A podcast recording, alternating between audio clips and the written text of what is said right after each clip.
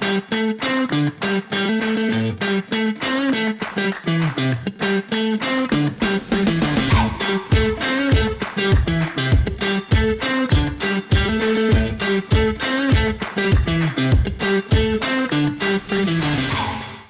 Hepimizin doğuştan getirdiği kendine has, diğerlerinden farklı ve hayatını belirleyen öğrenme stilleri vardır.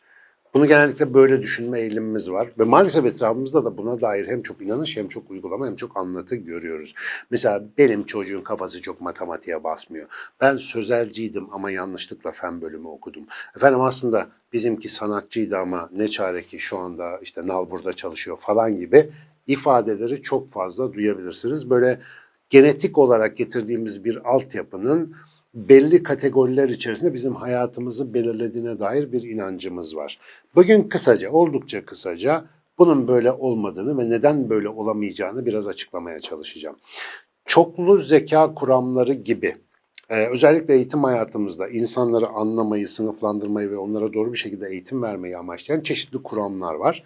Bu kuramların önemli bir kısmı kategorizasyon temeli üzerinden ilerliyor. Yani biz belli özellikler gösteren insanları belli kutulara koyuyoruz. Onlara belli kategori etiketleri takıyoruz ve onları o şekilde izleyerek o insanların daha çok neleri yapıp yapamadığını gözleyerek bir veri elde etmeye çalışıyoruz. Bu da genellikle ilginçtir. Kullandığımız teorik altyapı ne olursa olsun kendi kuramımızı, kendi hipotezimizi destekleyecek sonuçlarla bize geri dönüyor. Yani nereden bakarsanız insan o şekilde görünüyor gibi. Zira siz bir insana, mesela bu insanlardan bir tanesi benim. Ya sen fen oku, fen, fen güzeldir, sen böyle işte sayısal bir işe gir falan filan diye baştan bir etiket taktıysanız, etrafınızdaki insanlar size o konuda gaz verdiyse, bir süre sonra siz atipik bir şekilde o alanda ilerlerken buluyorsunuz kendinizi ve insan zihninin, insan zekasının yüksek adaptasyonundan size düşen kabiliyet nispetinde o alanın çeşitli sorunlarıyla çeşitli yeterlilik düzeylerinde baş edebilir hale geliyorsunuz. Yani orada gelişme imkanınız her zaman oluyor. Sevgili dostlar, genetik hani böyle artık dilimize resmen ne bileyim çivi gibi, çekiç gibi yerleşmiş çok kullandığımız ifadelerden bir tanesi ama genetiğin ne olduğunu çoğumuz bilmiyoruz. Hatta genetiğin şu anda e, üniversitelerde, fakültelerde, bölümlerde ders olarak anlatıldığı durumlarda bile şu an bildiğimiz anlamına uygun bir şekilde kullanılamadığını çoğu zaman maalesef müşahede ediyoruz. Şimdi genetik dediğimiz şey bizim anne babamızdan gelen o DNA'da kodlu bulunan vücudumuzun yapı planını içeren kodun bize aktarılmış kopyası. Burada hani belki hatırlarsınız liseden falan gördüğünüz bir özel ya da bu konuları okumayı seviyorsanız. Anne babanın sperm ve yumurtası birleşirken böyle çok özel bir kombinasyon oluyor. Bize böyle çok hani diğer kardeşlerimize ve diğer insanlara benzemeyen böyle bize has yegane bir kombinasyon geçiyor. O yüzden böyle hiç kimseyle aynı değiliz. Hani tipimiz benzese bile şeklimiz, şemalimiz, kişiliğimiz, vücudumuzun yapısı, detaylarımız, parmak izlerimiz farklı farklı olabiliyor. Fakat netice itibariyle anne babamızın işte 46 kromozomunda biriktirdiği o kütüphane neyse onun içinden yapılan bir seçkiden türetiliyoruz biz. Yani sınırlı bir veri bankasından, milyarlarca insan arasında iki kişiden seçilmiş bir kütüphaneden biz yapılıyoruz.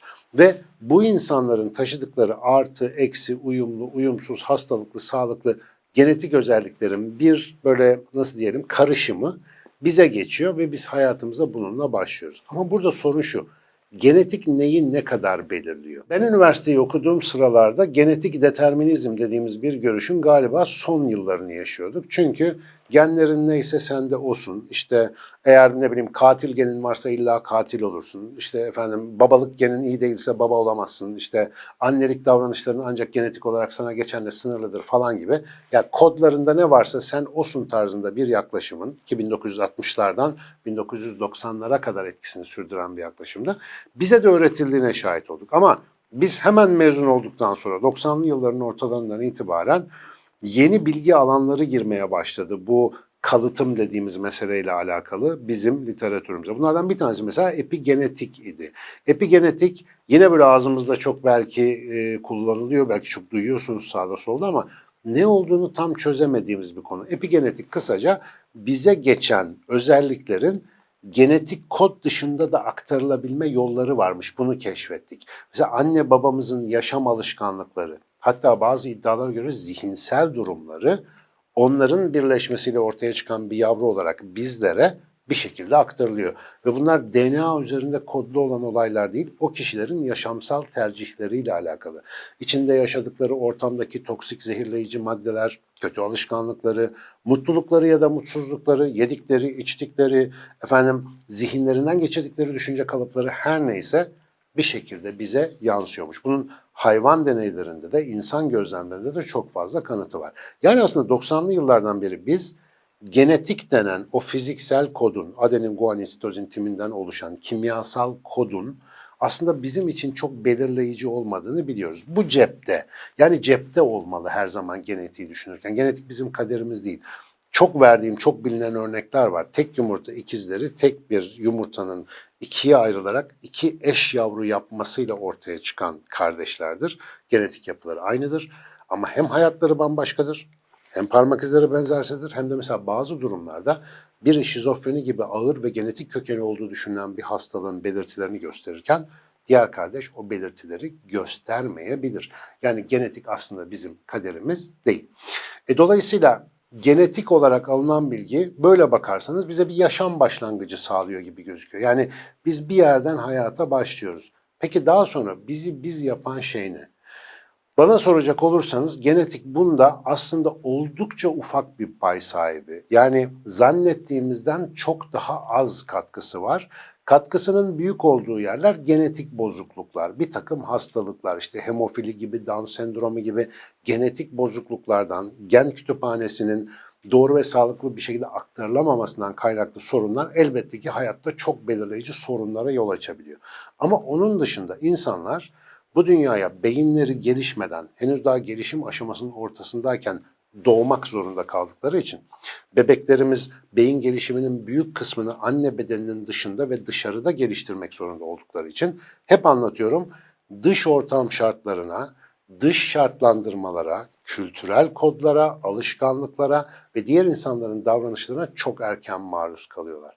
Ve bizim zihnimizi, yeteneklerimizi, kabiliyetlerimizi, korkularımızı, arzularımızı, düşünme kalıplarımızı hemen hemen her şeyi aslında doğduğumuz anda kendimizi içinde bulduğumuz o ortam şekillendiriyor.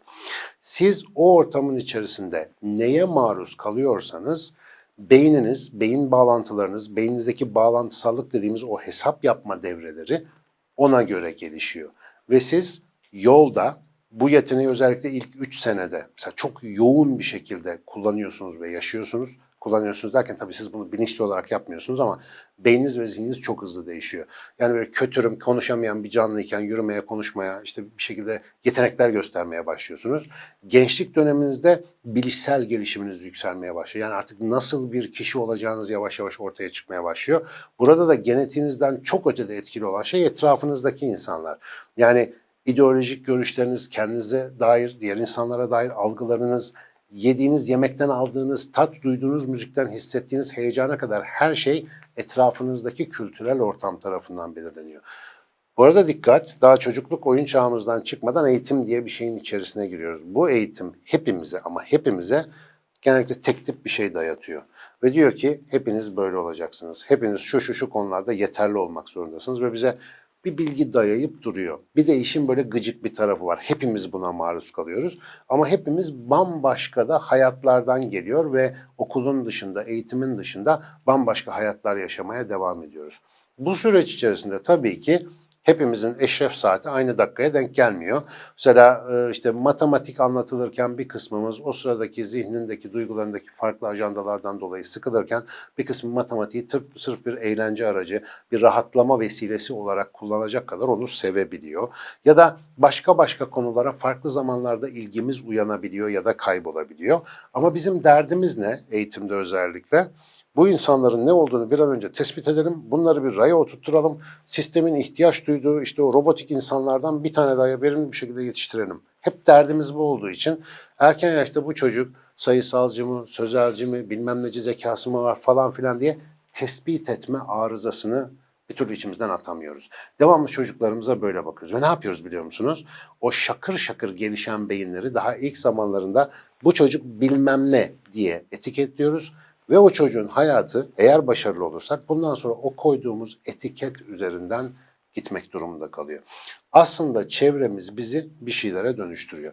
Yapılan araştırmaların özellikle son 10-15 yılda bu çoklu zeka kuramları üzerine yapılan araştırmaların şöyle kuş bakışı olarak sonuçlarına bakacak olursanız hiç de öyle özel öğrenme biçimlerimiz varmış gibi gözükmüyor. Mesela bilirsiniz bazı insanlar der ki ben işte görsel olarak daha iyi. Kim ben işitsel olarak, ben dokunsal olarak, ben işte bedensel olarak, kinestetik olarak daha iyi öğrenirim falan gibi yargılarımız vardır kendimizle alakalı.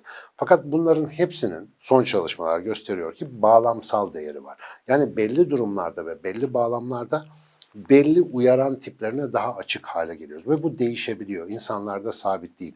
Yani ben görsel bir insanım diyen birisi aslında bazı şeyleri işitsel olarak, bazı şeyleri duygusal olarak, bazı şeyleri dokunsal olarak çok daha iyi öğrenebiliyor. Yahut e, işte ben daha çok matematik mühendis kafalıyım, ben daha çok işte sanatsal yaratıcı taraflıyım diyen insanların zıt alanlarda çok yüksek performans gösterdiklerine sıklıkla şahit olabiliyoruz. Özetle Bizim bu konudaki derdimiz biyolojimizden kaynaklanmıyor. Bizim bu konudaki derdimiz modern aklımızdan kaynaklanıyor. Modern akıl insanı kutulara koymadan, kategorize etmeden, etiket yapıştırmadan bir türlü rahat edemiyor. Zaten ilk başta bir isim koymazsak çocuğu tanıyamıyoruz biliyorsunuz. Aynı onun gibi çocuğa isim koyduğumuz gibi çocuğa bir takım sosyal, zihinsel, fiziksel, duygusal etiketler de takmak zorundayız. Ve özellikle işte son dönemlerde biliyorsunuz bu çocukta dikkat eksikliği var, hiperaktivite var, dikkat eksikliği, hiperaktivite bozukluğu var var. İşte bunda ne bileyim sisli beyin var, onda bağımlılık var, öbüründe bilmem şu var, bu var falan diye etiketlemelere ve teşhislere doyamadığımız için bu etiketleme davranışını gittikçe de daha karmaşık hale getiriyoruz. Peki bunun çaresi ne? İnsan söz konusu olursa, insan söz konusuysa herhangi bir konuda, başta mesela tıpta biz bunu çok söyleriz. Tıpta ne deriz? Hastalık yoktur, hasta vardır. Her hastanın durumu kendine özeldir bir hastalık grubunun etiketini getirip de o kişiye yapıştıramazsın. Dolayısıyla mesela tıpta bir insanın sağlığıyla ilgili karar verebilmek için yapay zekalar falan hala maalesef ve belki de çok şükür bize yardımcı olamıyor. Bizim o kişiyi özel olarak, tekil bir insan olarak, yegane bir varlık olarak görüp değerlendirebilecek hekimlere, hikmetle karar verebilecek insanlara ihtiyacımız var.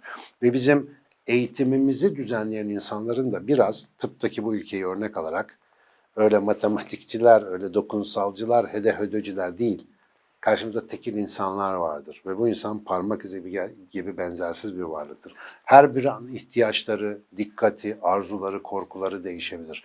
Eğitim, öğretme, tecrübe aktarma, kültür aktarımı anlık bir başarı meselesidir ya da başarısızlık meselesidir.